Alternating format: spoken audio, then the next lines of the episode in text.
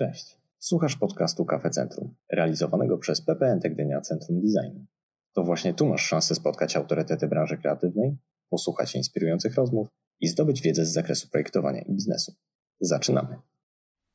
W dzisiejszym odcinku gościmy Agatę Matlak-Lutyk i Hannę Ferenc-Hilsten, twórczynię marki Balagan. Dziewczyny podzielą się doświadczeniami, jak zmieniała się praca i zarządzanie zespołem w trakcie pandemii. Dzień dobry wszystkim. Witamy Was na kolejnym spotkaniu z cyklu Projekt Moda. Cykl Projekt Moda jest organizowany od roku 2014. To jest 13 spotkanie. Online dopiero trzecie. Mamy nadzieję, że być może już ostatnie. Organizatorem wydarzenia jest Pomorski Park Naukowo-Technologiczny w Gdyni oraz Centrum Designu Gdynia. E, a dzisiaj mamy świetnych gości. Twórczynia marki e, Balagan. E, dzisiaj jest z nami Hanna Ferenc i Agata Matla-Klutyk. Będziemy na bieżąco komentować to, co dzieje się w branży mody.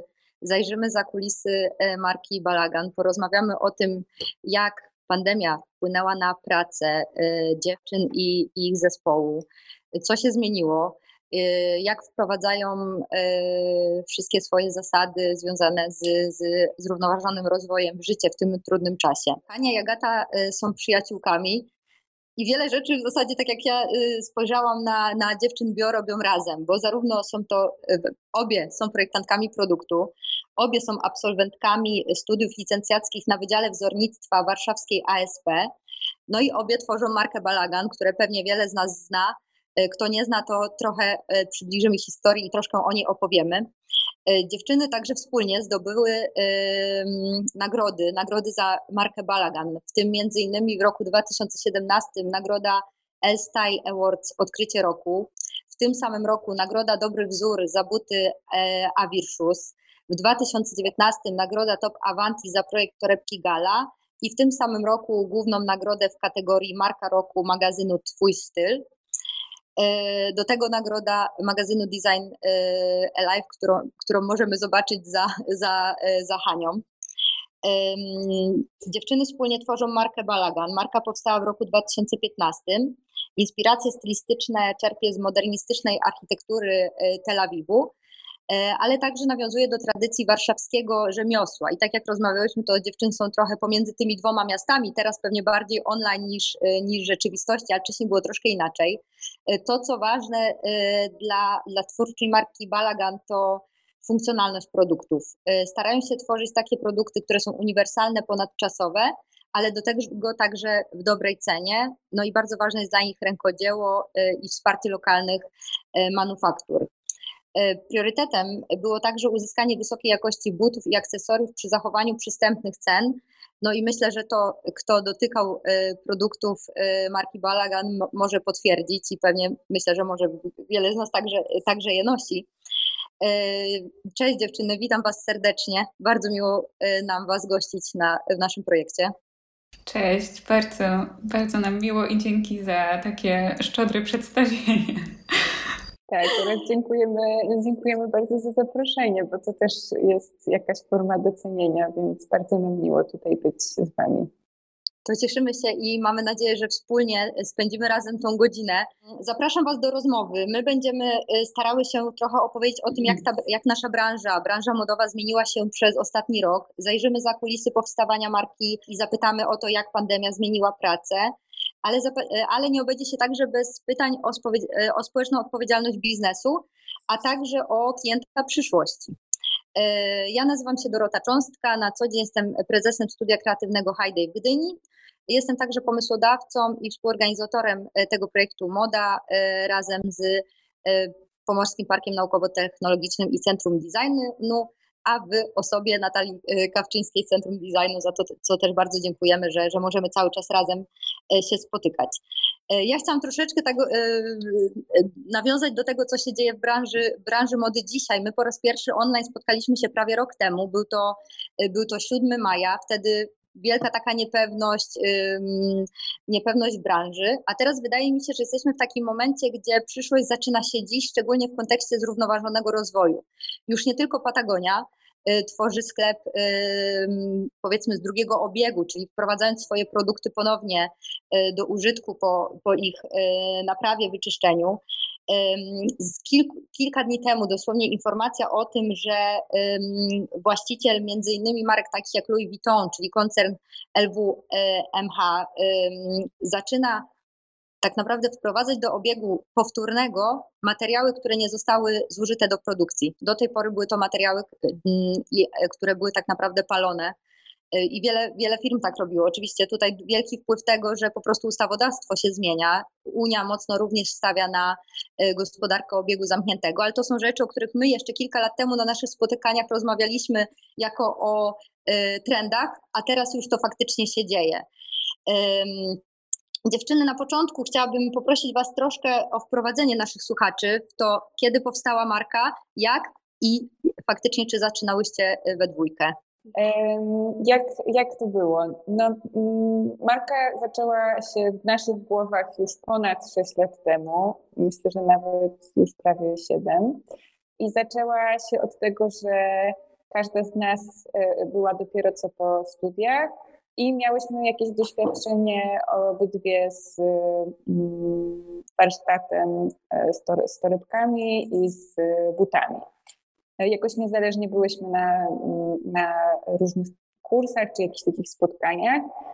E, I złapałyśmy bakcyla. W naszej branży projektowej to jest tak, że każdy sobie trochę musi znaleźć swoją ścieżkę, bo to jest bardzo, mm. bardzo szerokie pole, więc niektórzy robią identyfikację wizualną po naszych studiach, inni e, robią jakiś high-tech, jeszcze inne osoby meble, więc to jest naprawdę bardzo, bardzo szeroka branża. No i, y, i gdzieś ta, te, te warsztaty to była taka iskra, która pozwoliła nam jakoś zauważyć, że to może być bardzo coś ciekawego. I tak się zaczęła, ponieważ dużo rzeczy robiłyśmy z Hanią razem wcześniej i pracowałyśmy przy różnych projektach, czy studenckich, czy jakichś e, zleceniach razem, no to mm, wiedziałyśmy, że tam się całkiem dobrze pracuje i że lubimy też razem eksplorować jakieś tematy. Więc e, zabrałyśmy się za to. Miałyśmy też e, w tym czasie, no miałyśmy też takiego kolegę, który mm, który chciał otworzyć jakiś biznes i tak te wszystkie rzeczy się trochę złożyły razem, e, że mm, stwierdziłyśmy, że to nie będą tylko jakieś e, próby, ale mm, że, że spróbujemy zrobić coś, e, co później będzie można sprzedać i też w ramach tego pracować. Finalnie balagan założyłyśmy we dwie i pracowałyśmy nad tym dobrych kilka miesięcy, ale dzięki temu, że y, jeszcze dodam do tego, że zaczynałyśmy to robić z, y, rozmawiając z drugą nowo powstającą marką Elementy, i dzięki temu, że my nie miałyśmy doświadczenia, ta druga marka już była kilka lat na rynku, z jakimiś innymi projektami, ale miała doświadczenie, to wywiązała się bardzo fajna dyskusja o tym, jak wygląda rynek, e, dlaczego, nie wiem, dlaczego młodzi polscy projektanci są tacy drodzy, a dlaczego mhm. jest coś tak tanie.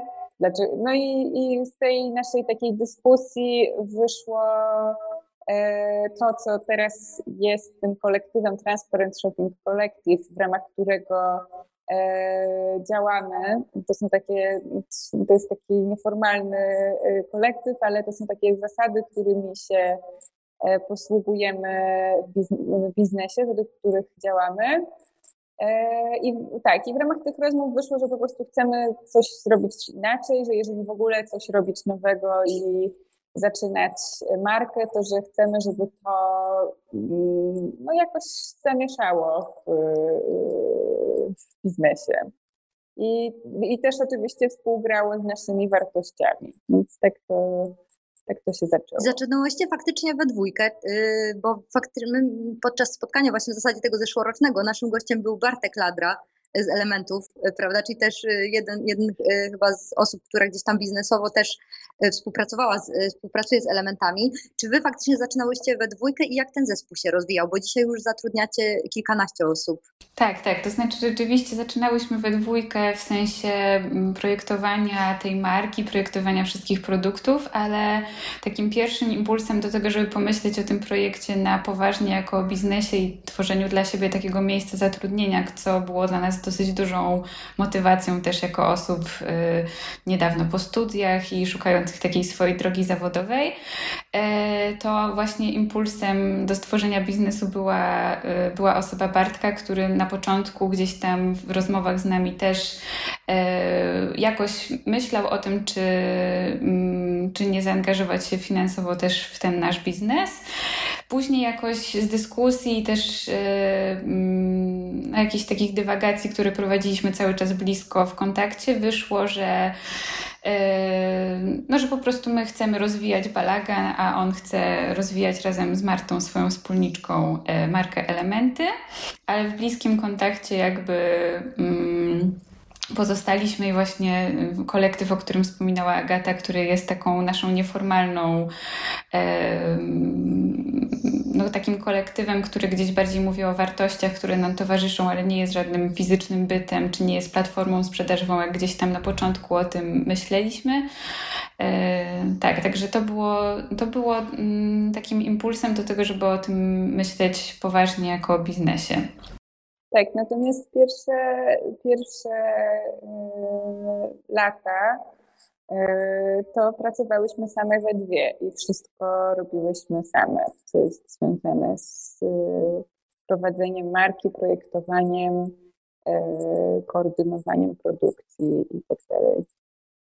Pracowaniem, pracowaniem w sklepie, wożeniem, wożeniem paczek, robieniem zdjęć. Dużo.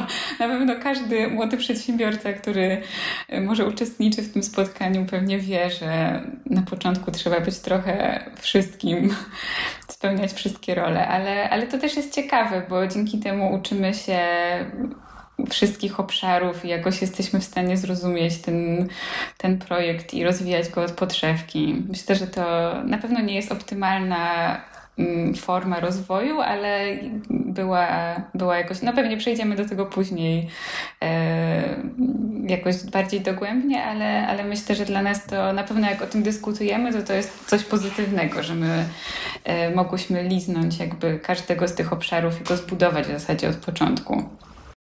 No właśnie, bo zaczynałyście we dwie. Teraz, tak jak, jeśli się nie mylę, jak rozmawiałyśmy, to chyba zaczęłyście tak na poważnie, w cudzysłowie, zatrudniać około dwa lata temu yy, yy, zespół. Jeśli nie, to, to mnie proszę poprawcie.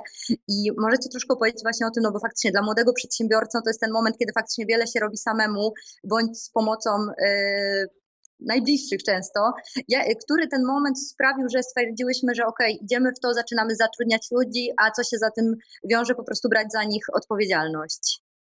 No to jest bardzo ciekawe, dlatego że my właśnie na początku założyłyśmy ten biznes yy, wkładem własnym, jakimś kapitałem pieniędzy pożyczonych po rodzinie. Yy, rozwijałyśmy go, tak jak Agata wspomniała, właśnie inwestując po prostu swoją pracę. Przez pierwsze dwa lata yy, istnienia tej firmy pra praktycznie nie pobierałyśmy żadnych pensji, e, więc to też można potraktować jako taką formę inwestycji na pewno. Cały swój know-how i energię inwestowałyśmy w rozwój balaganu. Mm. I w pewnym momencie doszłyśmy do takiego momentu, w którym zorientowałyśmy się, że naszej wiedzy z tego obszaru, w którym nie czujemy się pewnie, czyli tego po prostu, czego się nigdy nie, nie uczyłyśmy, nie studiowałyśmy, czyli biznes, nie wystarcza nam na to, żeby rozwijać mm, balagan tak, jak czujemy, że on ma szansę się rozwijać. Jakby miałyśmy po prostu obie taką intuicję, że siedzimy na czymś dużym i potrzebujemy pomocy w tym, żeby to rozwinąć. I na początku e, zaczęłyśmy zatrudniać takie osoby, które pomagały nam w prowadzeniu butiku, w wysyłaniu paczek, w takich y, operacyjnych rzeczach, a w którymś momencie około 2,5 roku temu postanowiłyśmy też zaprosić na pokład taką osobę, która jest specjalistką, jeśli chodzi o rozwój biznesu i ma mm, doświadczenie w pracy w dużo większych firmach i, i ona przy, przyniosła nam dużo takiego swojego know-howu, jeśli chodzi o budowanie budżetu, yy, zatowarowanie, takie bardzo przyziemne, super ważne rzeczy, których yy, nam po prostu brakowało wiedzy. To był taki w zasadzie moment, yy, bo no było to duże ryzyko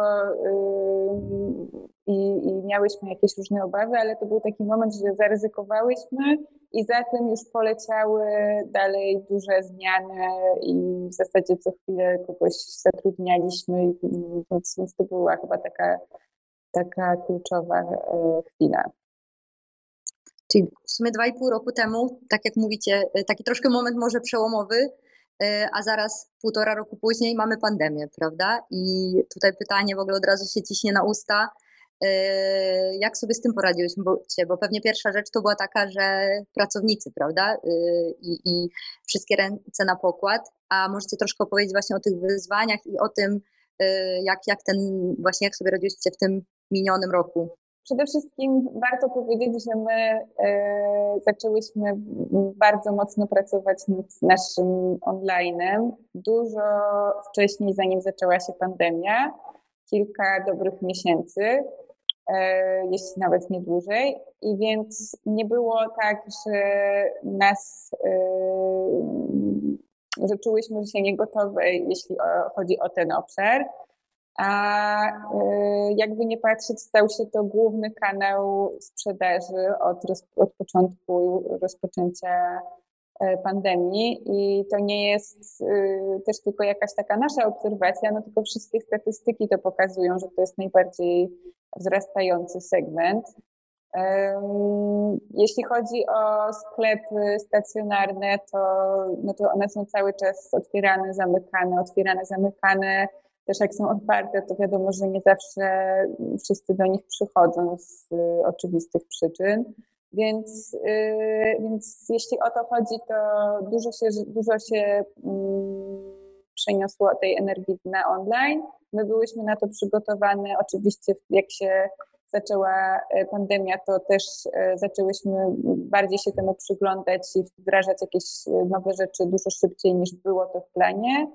No i też zaczęliśmy mm, inwestować dużo, jakby wbrew takiej um, intuicji, bo oczywiście w, pierwszych, w pierwszym miesiącu to było bardzo dużo wątpliwości, takich, takiej niepewności, czy redukować zamówienie towaru, czy, bo przecież sklep zamknięty, czy ludzie będą myśleć o tym, żeby kupować nowe rzeczy, więc, więc e, pierwszy miesiąc to było, to było dużo, dużo dyskusji, ale na szczęście nie dałyśmy się Mm, no nie zawiesiłyśmy się na tych swoich emocjach niepewności i nie zrobiłyśmy jakichś bardzo nerwowych ruchów, tylko i wbrew intuicji zainwestowałyśmy bardzo mocno w marketing internetowy. Mm, znaczy wbrew intuicji. Mówię, mówię że jakby intuicyjne wydałoby się ciąć jakieś koszty, a my tutaj e, wyszłyśmy ponad budżet, żeby sprawdzić, czy to jest ten kierunek.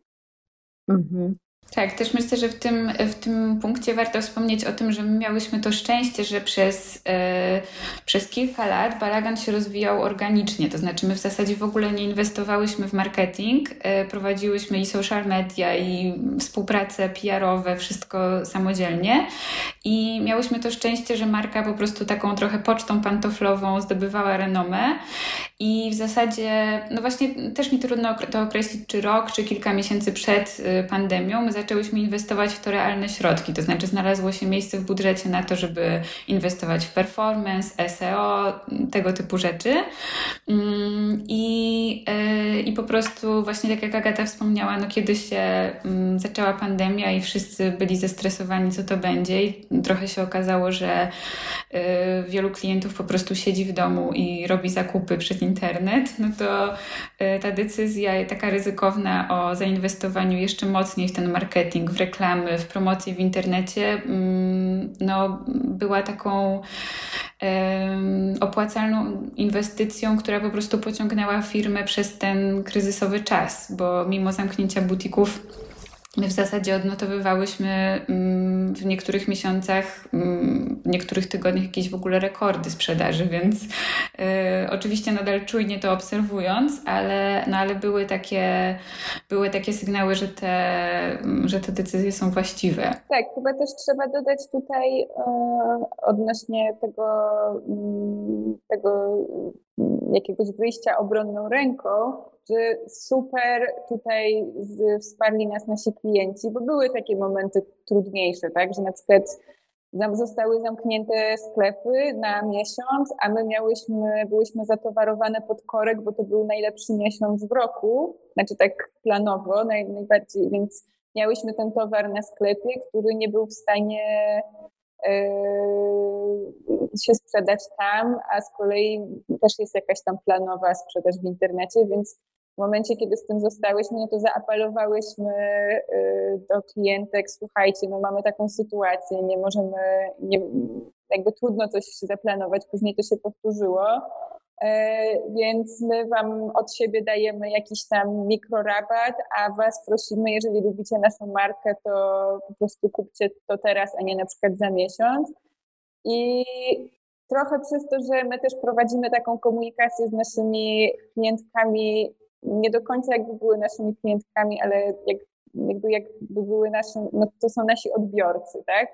Więc yy, i prowadzimy to zawsze szczerze i staramy się mówić o tym, co się dzieje w środku w firmie, to nie było to odebrane jako jakaś taka wyrachowana prośba, czy że, że marka zmienia wizerunek, tylko no to wszystko jest bardzo spójne, tak? I, I było też odebrane jako coś super szczerego, więc tutaj też, też to się wszystko udało dzięki temu, że mamy bardzo fajną grupę odbiorców.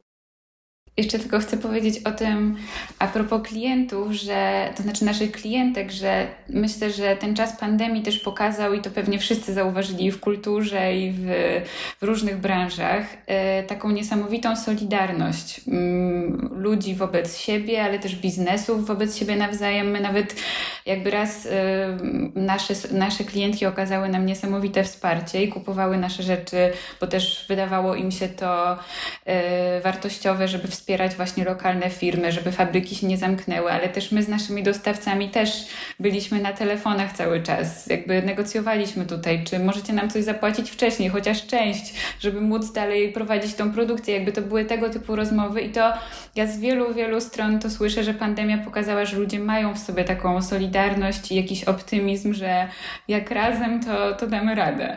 Więc to jest jakoś bardzo taka pozytywna dla mnie mm, historia z tej tego trudnego roku.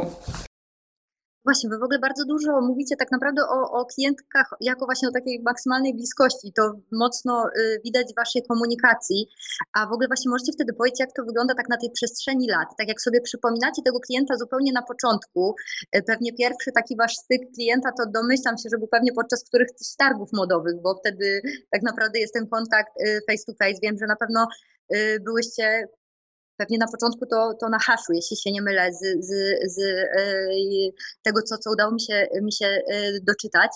A jak to wygląda dziś? Czy ten klient się zmienił, czy nadal to jest ten sam klient, czy, czy widzicie, że są jakieś pewne rzeczy, które, e, które się w nim zmieniły? No tak, rzeczywiście nasze pierwsze zetknięcie w ogóle z klientkami i w ogóle wejście na rynek z balaganem to było właśnie podczas targów hash jednym, jednych z pierwszych tak naprawdę um, chyba um, targów i, i tam właśnie miałyśmy pierwsze takie okazje do tego, żeby w ogóle poobserwować, kim jest nasza klientka, kim jest osoba, która wybiera, wybiera nasze produkty. No tak naprawdę dzisiaj prowadząc tą sprzedaż internetową cały czas staramy się analizować, do jakiej grupy trafiamy. Z, naszy, z naszą ofertą. Też ta oferta jest coraz szersza, więc pewnie, pewnie to też wpływa jakoś na, na, te, na te grupy docelowe. Wiemy, że jakby obserwując też w butiku, jakie, jakie osoby przychodzą, wiemy mniej więcej, jaki to jest typ osób i na pewno to, co je łączy, niezależnie od zawodów wykonywanych czy wieku, bo też kobiety w bardzo różnym wieku u nas kupują, to jest na pewno taka świadomość i y, świadomość konsumencka i wrażliwość na to i docenienie tego, że produkty są wykonane z dobrych materiałów, że są wyprodukowane lokalnie. To są na pewno osoby, które to doceniają i nie jest to dla nich jakimś tam jakąś fanaberią. Więc myślę, że myślę, że to jest taka jedna z ważniejszych cech. A jeszcze słuchajcie, pozwolę sobie wrócić do tego tematu, bo y, napomknęłyście także o, y, o sklepach stacjonarnych. Y, wy macie sklepy w Warszawie, prawda? Czy w ogóle na samym początku myślenia o biznesie, czy właśnie patrzyłyście na to, że sprzedaż online będzie szła, że tak powiem, mm, na równi z rozwojem sieci detalicznej, czy skupiałyście się na którymś kanale i czy pandemia zmieniła to? Czy w ogóle myślałyście o otwarciu na przykład sklepów stacjonarnych w innych miastach?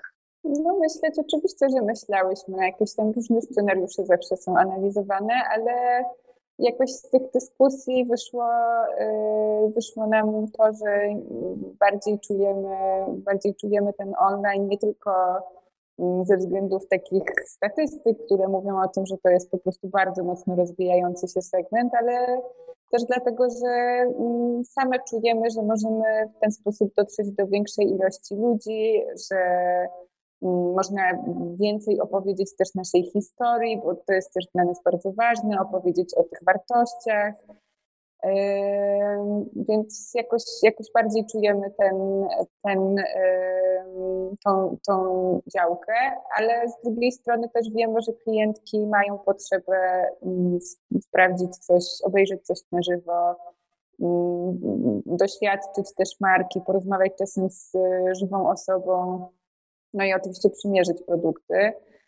E, więc stąd, stąd te sklepy w Warszawie, mm, ale na chwilę obecną bardziej tak, myślimy o online. Bardziej online. A kwestia tych y, tematu nawet zwrotów, wiecie, jednak y, akcesoria to pewnie jest dużo łatwiejszy temat, ale buty, y, no to już wiadomo, że często zdarza się, że po prostu musimy je odsyłać bądź kupować po parę par. Jak w ogóle z tym widzicie radzą sobie wasze klientki? czy one faktycznie nie potrzebują tej przymiarki i no tutaj jakby oczywiście to, co możecie powiedzieć, ale właśnie w kwestii zwrotów, czy, czy one sobie tak naprawdę radzą z, tą, z tym dopasowaniem y, produktu, czy te zwroty nie, nie są jakimś problemem logistycznym dla Was? To znaczy zwroty i w ogóle jakby kwestia budowania sklepu, to, to jest myślę największe wyzwanie tak naprawdę prowadzenie, prowadzenia swojego e-commerce'u, to jest tworzenie takich narzędzi, które pozwalają klientce jak najlepiej dopasować ten but przy zakupie, czy produkt, który ona wybiera i my cały czas próbujemy to na naszej stronie optymalizować i tworzyć świetne tabele rozmiarów, czy odpowiadać. Nasza obsługa klienta to też jest tutaj ogromny dział, który wspiera właśnie takie przemyślenia przemyślane zakupy, dlatego że nasza obsługa klienta, mm, dziewczyny, które piszą z naszymi klientkami, potrafią im świetnie doradzić. E, oczywiście, że zdarzają się zwroty i im większa jest sprzedaż, tym więcej tych zwrotów jest, ale, mm, ale na pewno no, no, w takim własnym e-commerce mm, lokalnej marki to nie, są, to nie jest taka skala jak w jakichś wielkich e, platformach, e, na przykład sprzedażowych, z których no wiemy, jak, jak, jak się korzysta. A e, więc co teraz chciałam troszkę też porozmawiać z Wami o e, społecznej odpowiedzialności biznesu, bo jak się przegląda e, zarówno Waszą stronę i y, czyta się o Was tak naprawdę i Was w social mediach, to y, działania na rzecz lokalnej społeczności są bardzo istotne, prawda? Teraz tak naprawdę jak przeglądam, to widzimy cały czas y, od 8 marca mocno mówicie o funduszu feministycznym. Dosyć mocno też angażujecie się w różne inicjatywy społeczne. Yy, czy to, jak, jak ważny jest w ogóle to element waszej firmy i, i tak naprawdę co, yy, co on daje, jak, jak, jak wiele satysfakcji z tego czerpiecie, jak to wygląda tak rzeczywiście.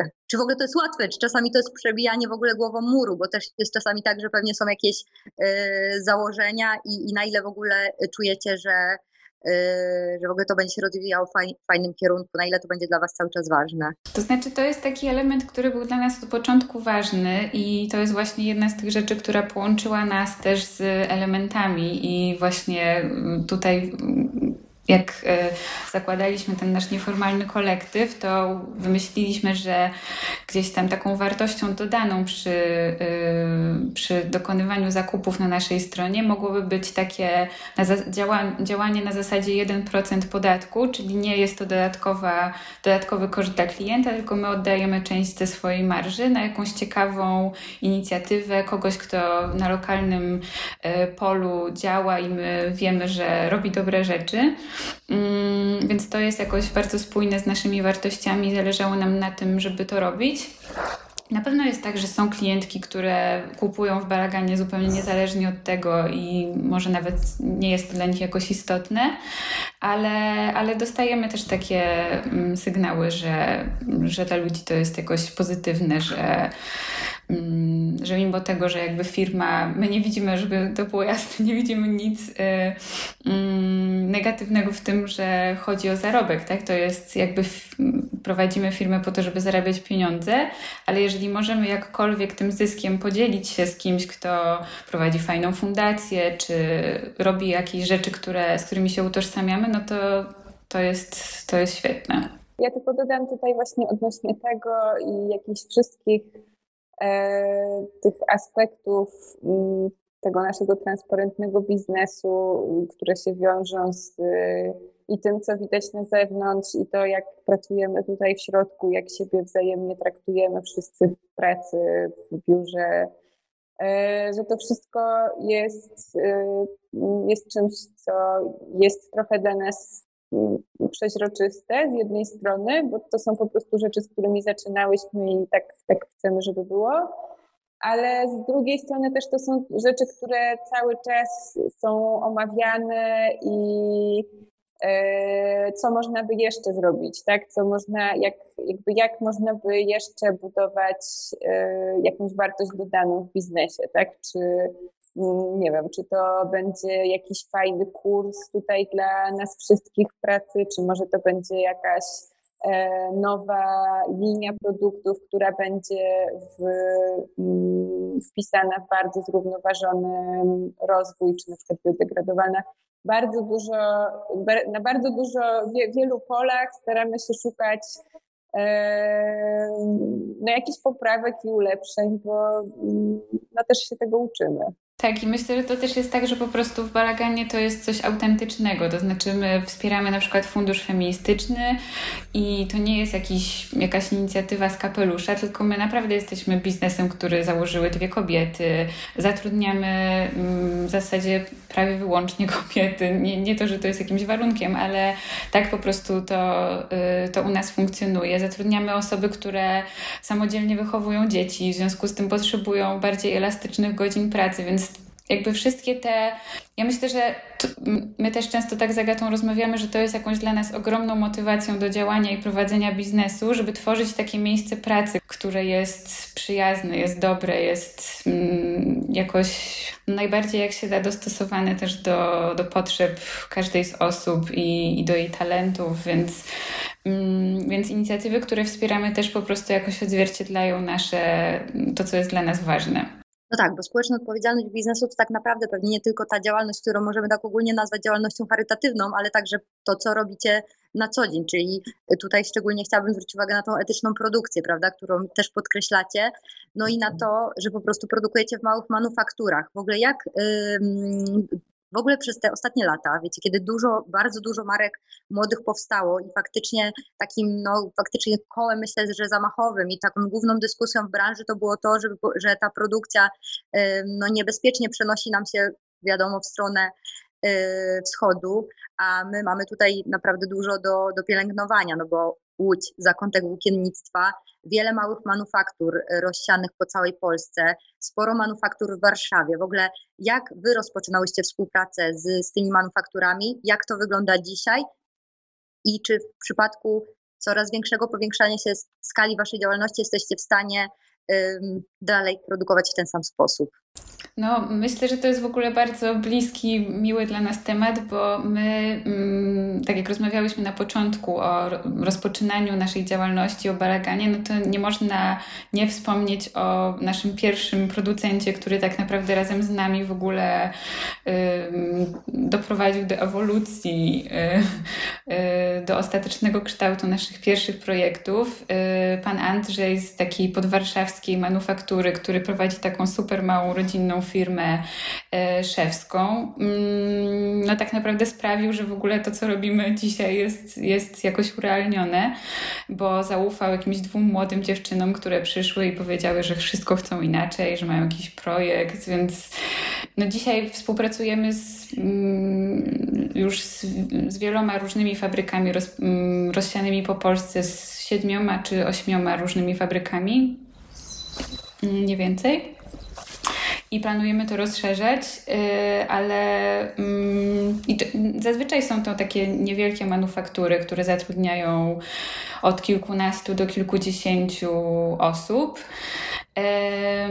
Ale dla nas jakoś ta lokalność jest ważna, bo to też jest taki. Mm, Mm, no, prowadzenie lokalnej produkcji sprawia, że można kontrolować też y, jakość, jakoś formę tego, jak coś jest tworzone. Y, produkując lokalnie też wiemy, że wybieramy kogoś, kto podlega y, temu samemu prawu, nie wiem, pracy, temu samemu prawu dotyczącemu y, utylizacji materiałów, które na przykład są używane w produkcji. To są wszystko takie ważne aspekty, o których myślę, że tak y, przeciętnie się nie zastanawiamy, kupując na przykład rzeczy wyprodukowane w Azji, ale to jest istotne, bo jakby na nasze lokalne środowisko mamy wpływ i choćby wybierając e, władzę, która tworzy prawodawstwo i tak dalej, i tak dalej, więc jakby to wszystko jest gdzieś tam e, taki no, system trochę naczyń połączonych, nie wiem, produkując w Polsce też tworzymy miejsca pracy, płacimy podatki w Polsce, no to jest jakoś bardzo Widzimy to jako taki pozytywny aspekt. No i oczywiście mamy nadzieję, że będzie nam się w, w, w, ramach jakby powiększania skali naszej produkcji dalej udawało prowadzić ją w Polsce czy w Europie. Myślę, że to jest, y, to jest tylko na plus. Ja chciałam tylko dodać tutaj, że y, odnośnie Twojego pytania, że, mm, że duże koncerny coraz częściej przenoszą tą produkcję i nie ma się trochę co dziwić temu, bo jeżeli jedyną wartością, jaką ktoś może zaproponować, jest cena, bo produkcja w Polsce jest bardzo droga e, i no w ogóle w Europie. E, I my na przykład mamy My na przykład mamy tą transparentność ceny, pokazujemy za ile kupujemy te rzeczy i to jest coś, co bardzo sobie chwalimy, bo nasi klienci dzięki temu mogą zobaczyć taką dziwną rzecz, że u nas my kupujemy wyprodukowany but, czyli same koszty produkcji, materiału, e, wytworzenia tej, rzeczy. Nie mówię jakby o wszystkich innych dodatkowych rzeczach, które sprawiają, że, że ktoś dostaje ten przedmiot do siebie do domu, e, że my go kupujemy często za wyższą cenę niż produkt, który można kupić w jakiejś znanej sieciówce obuwniczej, e, cenie detalicznej. Czyli co, co to oznacza, jeżeli można pójść do sklepu i kupić coś w galerii handlowej, za którą przecież za powierzchnię ktoś musi zapłacić, e, w cenie, w której normalnie polscy producenci produkują te same rzeczy, więc znaczy te same. No tak. Mm-hmm, mm-hmm, Więc, e, więc, więc, więc jakby z naszej perspektywy y, bardzo też chcemy, te wszystkie aspekty, o których Hania mówiła, są dla nas super ważne i ta transparentność ceny też wspiera to, to że, że ludzie chcą, widzą to, zaczynają widzieć tą różnicę i chcą wybrać ten lokalny produkt. A czy w ogóle jest, słuchajcie, jakieś wąskie gardło w, w tej produkcji? Bo wydaje mi się, że nie ma y, co jakby chyba ukrywać, że tak naprawdę to młode marki właśnie były tą siłą napędową, że w ogóle też fajnie no może nie przetrwała, ale po prostu, że to cały czas funkcjonuje, że małe manufaktury mają klientów, którzy zamawiają coś co miesiąc, więc to nie jest znowu zastanawianie się, prawda, z miesiąca na miesiąc. Czy tam jest w ogóle jakieś wąskie gardło w, kontek- w postaci osób, które tam pracują? Czy są w ogóle młodzi ludzie w manufakturach? Czy ktoś przychodzi i się przyucza? Czy w ogóle ludzie pytają o tego typu y, możliwości? No my tak nie do końca wiemy, jak to wygląda w szwalniach, bo y, odzież to jest zupełnie też inna branża i chyba też trochę bardziej jednak y, dalej żywa, to znaczy technika, y, właśnie jakby technikum przyuczające do zawodu chyba nadal funkcjonują, więc tutaj nie wiem. Natomiast jeśli chodzi o manufaktury, z którymi pracujemy y, szewskie, no to mm, w zasadzie każdy z naszych producentów narzeka na to, na to że mm, brakuje ludzi do pracy, że są oczywiście takie zagłębia trochę w Polsce, w kilku miejscach, gdzie, y, gdzie produkuje się obuwie, ale coraz mniej jest jakby młodych osób, które chciałyby pracować w tym zawodzie.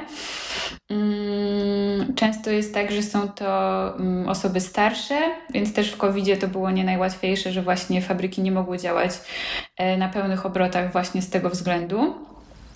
Mm, także no na pewno to jest jakiś, jakiś problem. Ludzi tam faktycznie brakuje. Widzicie, że y, nie przychodzą uczniowie, tak jak nie, nie wiem właśnie, kto jest ze szkołami, ale generalnie nie przychodzą uczniowie, bądź nie ma ich wiele y, takich, którzy faktycznie przyuczają się i od tych y, ludzi, którzy też często będą odchodzili na emeryturę, czy po prostu już nie mają nawet fizycznie sił, żeby robić tak dużo, czy ta wiedza jest w ogóle przekazywana? Tak, ja myślę, że to byłoby bardzo ciekawe pytanie do zadania właśnie producentom, bo to też jest jakby trochę inna. My nie, prowadzi, nie prowadzimy własnej produkcji, my kupujemy produkty u, mm, u, naszych producentów, więc tak nie, mm, nie do końca może mamy świadomość, jaka to jest y, jak przebiega, nie wiem, skala czy rekrutacja, tak, tak, tak, ale no tak obserwując, jeżdżąc do fabryk, no widzimy mniej więcej, jaka to jest grupa wiekowa i i, widać, że tych młodych osób brakuje, ale z kolei warto podkreślić, że mm, w takich zawodach y, też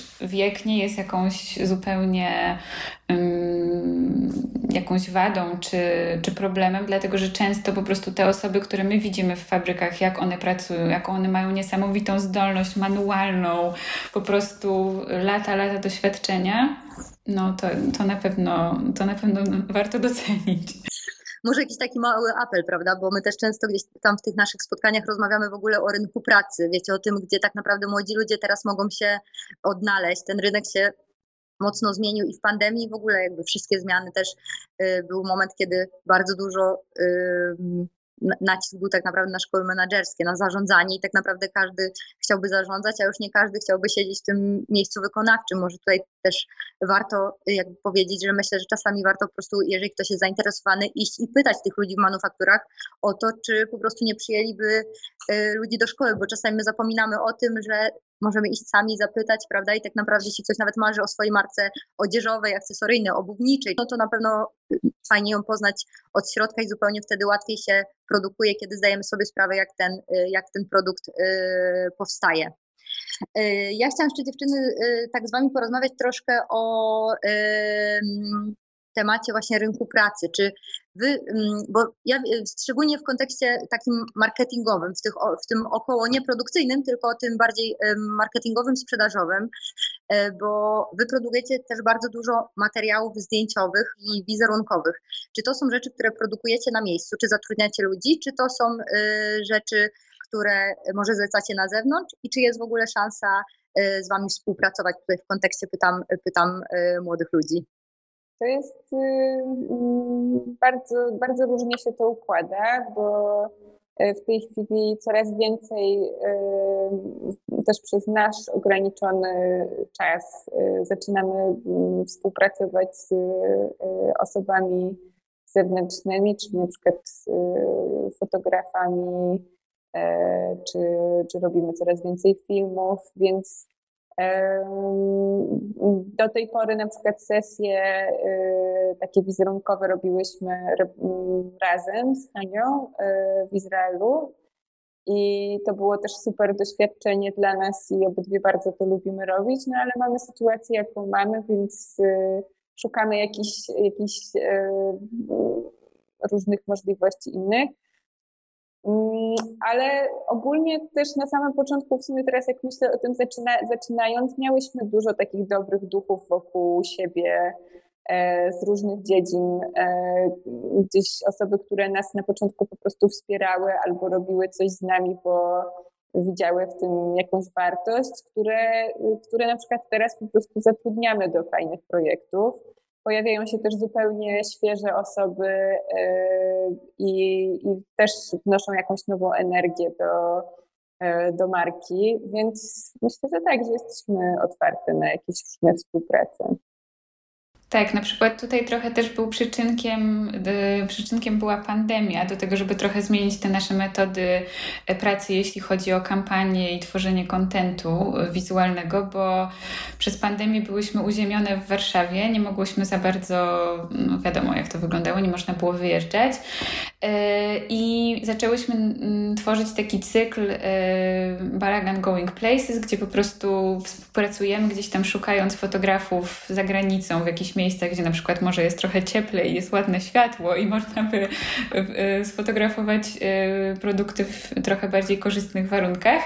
Mm, I, i szukamy właśnie takiej trochę świeżej krwi czasami e, właśnie w internecie i, i, i fajnie tutaj się ten cykl rozszerza, także e, tutaj pandemia po prostu też nas zainspirowała do tego, żeby wysyłać produkty, nawet nie znając tej osoby osobiście i, mm, i, i wchodzić w takie współprace, kolaboracje. Ja jeszcze chciałam wiedzieć, co tak, jak, jak obserwuję Waszą markę i, i teraz rozmawiamy i, i, i, czytam, no to tak mamy.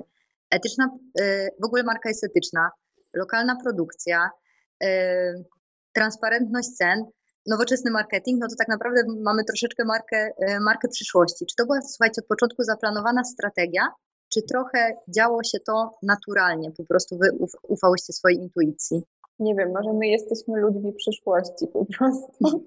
Nie no, żartuję sobie. Early ale... adopters, dokładnie, w trendach to się nazywa. Mm, ale, ale chyba bardzo dużo rzeczy, znaczy część rzeczy, które robimy teraz i to nie mam wątpliwości wynika po prostu z wiedzy y, specjalistów, z którymi pracujemy i to jest y, i na tym etapie dużo jest naszej intuicji, ale też tutaj bym chciała oddać każdej osobie, z którą pracujemy, że, że jej wkład jest nie, nieoceniony y, i, i chętnie korzystamy z, z właśnie zasobów y, innych osób. Natomiast y, te początki i pierwsze lata, pierwsze lata to zdecydowanie bazowałyśmy na intuicji. Jeśli chodzi o jakieś takie biznesowe rzeczy. Y, jeśli chodzi o marketing, w sumie też, bo wszystkiego się po drodze uczyłyśmy.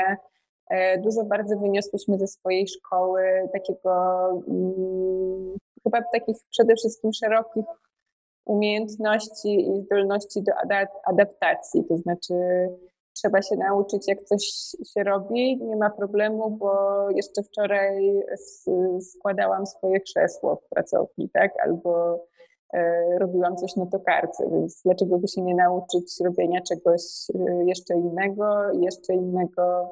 Chyba tak, tak bym na to pytanie odpowiedziała. Czy jak wiecie, to tak możemy teraz powiedzieć, czy jeżeli mówimy trochę early adopters, prawda, ludzie przyszłości, to słuchajcie, trochę was o to się zapytam. W ogóle co myślicie o tych zmianach w branży mody? No bo faktycznie to, co przyspieszyło w tym ostatnim roku. Ja e, dzisiaj trafiłam na e, raport e, stworzony przez Mobile Institute dla między innymi dla Allegro. To był raport zrealizowany w lipcu, nie raport, tylko badanie, było zrealizowane w lipcu i sierpniu. Raport pojawił się teraz i według niego pandemia sprawiła, że 32% badanych faktycznie zastanowiło się nad tym, w jaki sposób dotychczasowo żyje i część z nich chce podjąć zmiany. W tym 47 osób wskazało na to, że chciałoby ograniczyć y, konsumpcję. Jak Wam się wydaje, i tu w ogóle chciałabym się zapytać właśnie i Hani i Agaty, żebyście każdy z Was odpowiedział na to pytanie, jakie zmiany w branży mody przyspieszą, a które, a, a, a co może w ogóle, w ogóle zniknie?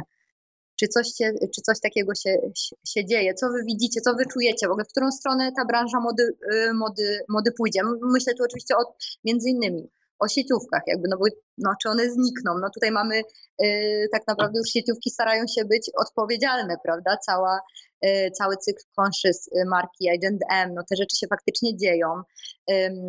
Moda lokalna też wydaje się zyskuje mocno na znaczeniu, no bo właśnie pandemia przyspieszyła coś, co tak naprawdę my o tym w branży dyskutowaliśmy od kilku lat, prawda? Czyli o tym, że faktycznie te marki lokalne będą coraz mocniejsze, bo po prostu konsument jest świadomy. Jak Wam się wydaje, które, które rzeczy się zadzieją? Ja się sama nad tym często zastanawiam. Mm, jakoś wydaje mi się, że to trochę jest tak, że z jednej strony mam taki optymizm w sobie, że widzę właśnie tą większą świadomość. Też czytałam jakieś badanie, które pokazuje właśnie o tym, że coraz więcej mm, konsumentów na przykład rezygnuje z zakupu jakiegoś produktu, dlatego że widzi jego y, szkodliwość dla środowiska. Więc to są te rzeczy, które napawają mnie optymizmem i myślę o tym, że ten trend czy ten kierunek myślenia bardziej świadomego o dokonywanych wyborach zakupowych y, rośnie. Ale z drugiej strony jakby galopująca, e, galopująca konsumpcja też e, super się rozwija i mm, no pewnie trochę to jest taki miecz, miecz obosieczny. No myślę, że mm, dwa te kierunki się roz, rozwijają. Ja też tak y, z dużą czujnością jakby bym się przyglądała tym, co robią na przykład właśnie duże koncerny, czasami używając takich y, słów jak właśnie conscious, czy tam ecological, bo to są takie słowa, którymi często można sobie dosyć łatwo wybielać trochę swoje przybrudzone jakieś karty historii.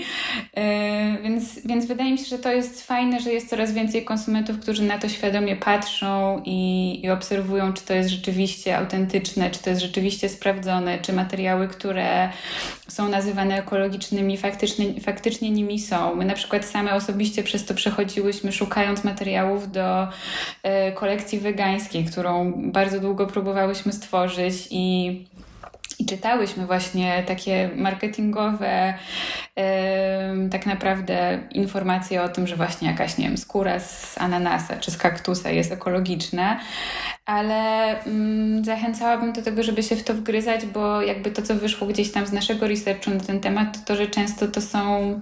Yy, nie chcę powiedzieć nieprawdziwe informacje, ale po prostu nie do końca mm, może tak transparentnie prezentowane, mm, prezentowane, dlatego że czasami się okazuje, że jakiś materiał, który na przykład nazywa się ekologiczną skórą, jest po prostu plastikiem albo ma jakiś tam niewielki dodatek y, naturalnego y, surowca, a reszta to jest wszystko no, plastik, który się nigdy nie rozłoży w środowisku naturalnym, więc. Mm, więc wydaje mi się, że po prostu trzeba to sprawdzać i trzeba to obserwować, ale, ale ja jakoś tak z optymizmem na to patrzę i wydaje mi się, że coraz więcej ludzi widzi to i, i, i jakby zależy im na środowisku i, i na takich bardziej świadomych też wyborach zakupowych. Na to pytanie, które zadałaś, czy, czy, czy widzimy taką przestrzeń, żeby sieciówki zniknęły, to ja osobiście mam taką intuicję, że to nie jest coś, co, co się wydarzy. I, I rzeczywiście tutaj zaczynają ci wszyscy duzi gracze e, stawiać akcenty na tą ekologię, tak jak Kania mówiła, no różnie, różnie to, to różnie to jest zbudowane i tutaj trzeba mieć jakąś taką czujność, ale ja osobiście jakoś taką mam nadzieję, że, no, że, finalnie, że finalnie te małe ruchy, takich małych marek jak my, czy e, które sprawiają, że zmienia się też ten konsument, doprowadzą do tego, że ci duzi gracze no chcąc, nie chcąc, kierując się pewnie jakąś potrzebą zysku i dopasowania się do tego rynku, będą zmieniać te, y, te swoje działania i czy one będą właśnie wymuszone jakimś nowym prawodawstwem, które powstanie, czy będzie to wymuszone tym, że ludzie przestaną kupować, jeśli coś nie będzie takie, y, takie ataki, więc więc e, ja tutaj bardzo liczę na to, że to się będzie też zmieniało właśnie u tych dużych graczy, ale w taką, e, no w taki jakiś uczciwy sposób. Mm, I że, to, że będzie miejsce też miejsce dla, dla nich i będzie miejsce dla takich mniejszych marek jak nasza. Jeszcze pewnie mogłybyśmy jeszcze długo rozmawiać, bo, bo jeszcze, jeszcze jest dużo tematów, ale zbliżamy się do tego momentu, kiedy byśmy powinny oddać głos y, naszym słuchaczom.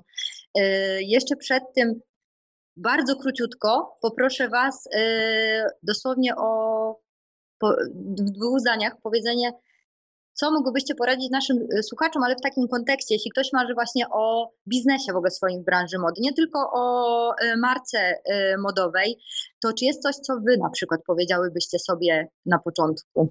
Ja chyba bym powiedziała, ale to jest coś, co sobie cały czas powtarzam do tej pory, nie bój się. To... Tak, to chyba każdy, każdy potrzebuje, tak. prawda? na każdym etapie. Wiem, że to jest mhm. bardzo ogólna, ogólna zasada, ale mm, naprawdę to jest coś, co często podcina e, skrzydła jakimś super pomysłom i mm, Myślę, że, że tutaj panowanie nad takimi lękami jest ważne na każdym etapie budowania marki. Co bym poradziła? No dużo rzeczy można powiedzieć. Myślę, że takie zaufanie swojej intuicji to jest ważne, żeby też spojrzeć na siebie takim życzliwym okiem i zobaczenie, jakie ja mam zasoby jako ja, bo może nie skończyłam wszystkich studiów, może nie mam właśnie wiedzy biznesowej, ale mam jakieś talenty, czy zasoby, czy osoby wokół siebie, które mogłyby mi pomóc i zasobem mogą być przeróżne rzeczy, tak? Może być ktoś z kapitałem w naszym otoczeniu, kto może nam pomóc rozkręcić biznes, a może być też to, że lubimy i potrafimy robić zdjęcia i możemy, no nie wiem, dzięki temu jakoś kreować swój marketing, albo dobrze piszemy, albo znamy języki, no przeróżne rzeczy, ale tak chyba zachęcałabym do tego, żeby spojrzeć na siebie życzliwym okiem i, i, i próbować. Tamara pyta się, tym roku wprowadziłyście sporo nowości. To dość śmiały krok w takich niepewnych czasach. Czy nie bałyście się takiego przedsięwzięcia w pandemii? Bałyśmy. Nie, ja myślę, że, yy, no, że to jest taka myśl często, że boimy, ale robimy. No. Ania pyta, jakie macie rady dla młodych projektantów, którzy nie mają środków na inwestowanie w marketing? Co u Was najlepiej się sprawdzało?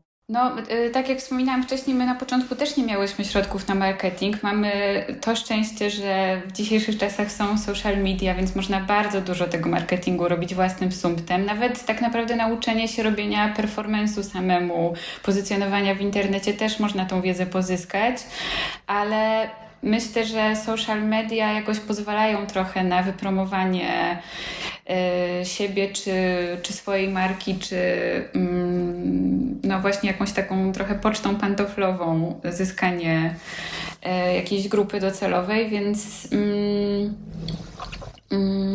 no tak, ale, ale myśl, no wszystko zależy od skali przedsięwzięcia. Na przykład to, co my zawsze e, powtarzamy z Agatą, to to, że dla nas dobrze się, e, u nas się dobrze sprawdziła ta mała próba na początku i to, że my właśnie wyprodukowałyśmy krótką, małą serię produktów, wystąpiłyśmy z nią na targach i w ogóle sprawdziłyśmy, czy to pójdzie. Więc dokonywanie jakichś takich małych prób i nie rzucania się może od razu na super głęboką wodę może być jakąś strategią.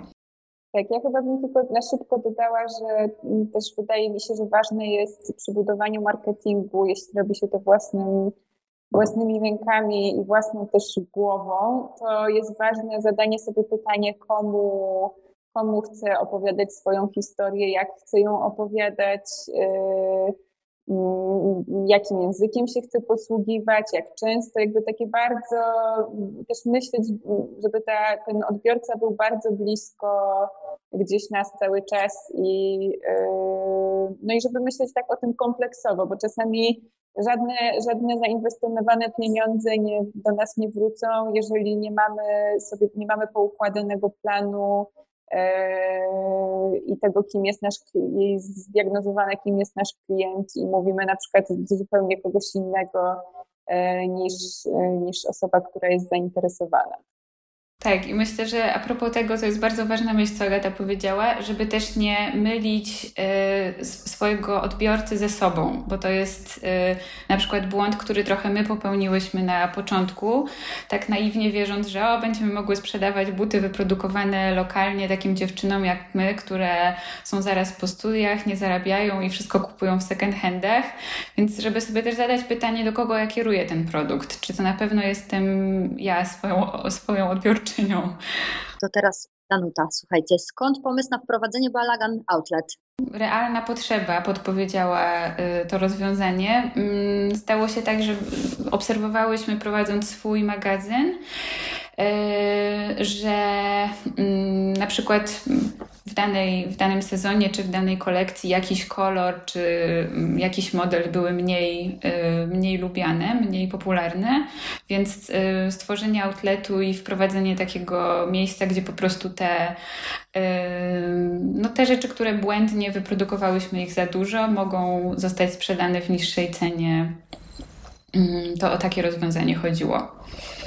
Jakby staramy się jak najbardziej racjonalnie tutaj tworzyć taką racjonalną gospodarkę magazynową i nie przestrzelać się i zwykle bardzo się nad tym 10 razy zastanawiamy, ile jakiegoś modelu zamówić, no ale wiadomo, czasami popełniamy błąd i wydaje nam się, że coś będzie hitem, a nie jest i wtedy trafia do outletu. Pytanie Martyny.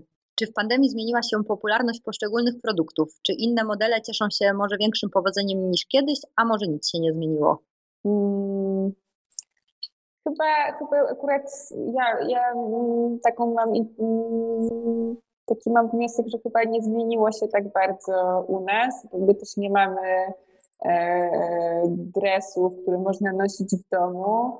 E, może, może mniej się sprzedają buty na obcasach, ale to też nie jest jakaś taka bardzo znacząca e, różnica. Mm, no raczej, raczej, raczej jest tak, że u nas się sprzedaje stale tak samo dobrze opera czarna, to jest taki nasz klasyczny but, i nowości. Więc chyba warto powiedzieć, że opera jest z wami od prawie początku. Od początku. Od początku. To jest niesamowite. Mhm. Tak, natomiast mamy, mamy nowy model, który mamy nowy model, który wyprzedza operę powoli i to jest, yy, i to jest mokasyn Tefer, który jest szyty w takiej fajnej technologii na stroblu, yy, dzięki czemu może się wygiąć w każdą stronę, jest po prostu zrobione jak z gumy. I, I to jest jakoś w tym sezonie model, który prawie że wyprzedza naszego, jak my się śmiejemy, Big Maca, czyli operę. Super, dobra. To dziewczyny, no z przykrością kończę chyba nasze to spotkanie. No, ja Wam serdecznie dziękuję, bo no, dla mnie świetne spotkanie. Mam nadzieję, że też rozwialiśmy, rozwiałyśmy tyle, ile mogłyśmy y, jakichś pytań naszych, y, naszych słuchaczy, y, którym przede wszystkim dziękuję, no bo to, to dla Was tak naprawdę to wszystko jest robione. Y, serdecznie dziękuję y, Centrum Designu za to, że mogłyśmy się spotkać. Y, dziękuję dziewczynom za przyjęcie zaproszenia. Szczególnie też chcieliśmy podziękować naszym patronom medialnym Fashion Revolution Polska, Fashion Business, magazynowi Prestige oraz Radio Gdańsk. Zapraszamy Was do śledzenia wydarzeń, zarówno tych z cyklu Projekt Moda, a także tych, które organizuje Centrum Designu. I mam nadzieję, że spotkamy się e, być może za, e, za pół roku po to, żeby dalej, dalej rozmawiać. Hania, Agata, serdecznie Wam dziękuję za spotkanie i do zobaczenia. Dzięki bardzo, bardzo dziękujemy. Dzięki za super rozmowę i świetne pytania. Jesteśmy zainspirowani. Super. I mam nadzieję, że e, nasi słuchacze też. Do zobaczenia. Hej, papa. Dziękujemy, że byliście z nami. Na dziś to wszystko. Po więcej ciekawych treści zapraszamy na naszą stronę internetową www.centrumdesignu.gdynia.pl i media społecznościowe. Do usłyszenia w kolejnym odcinku.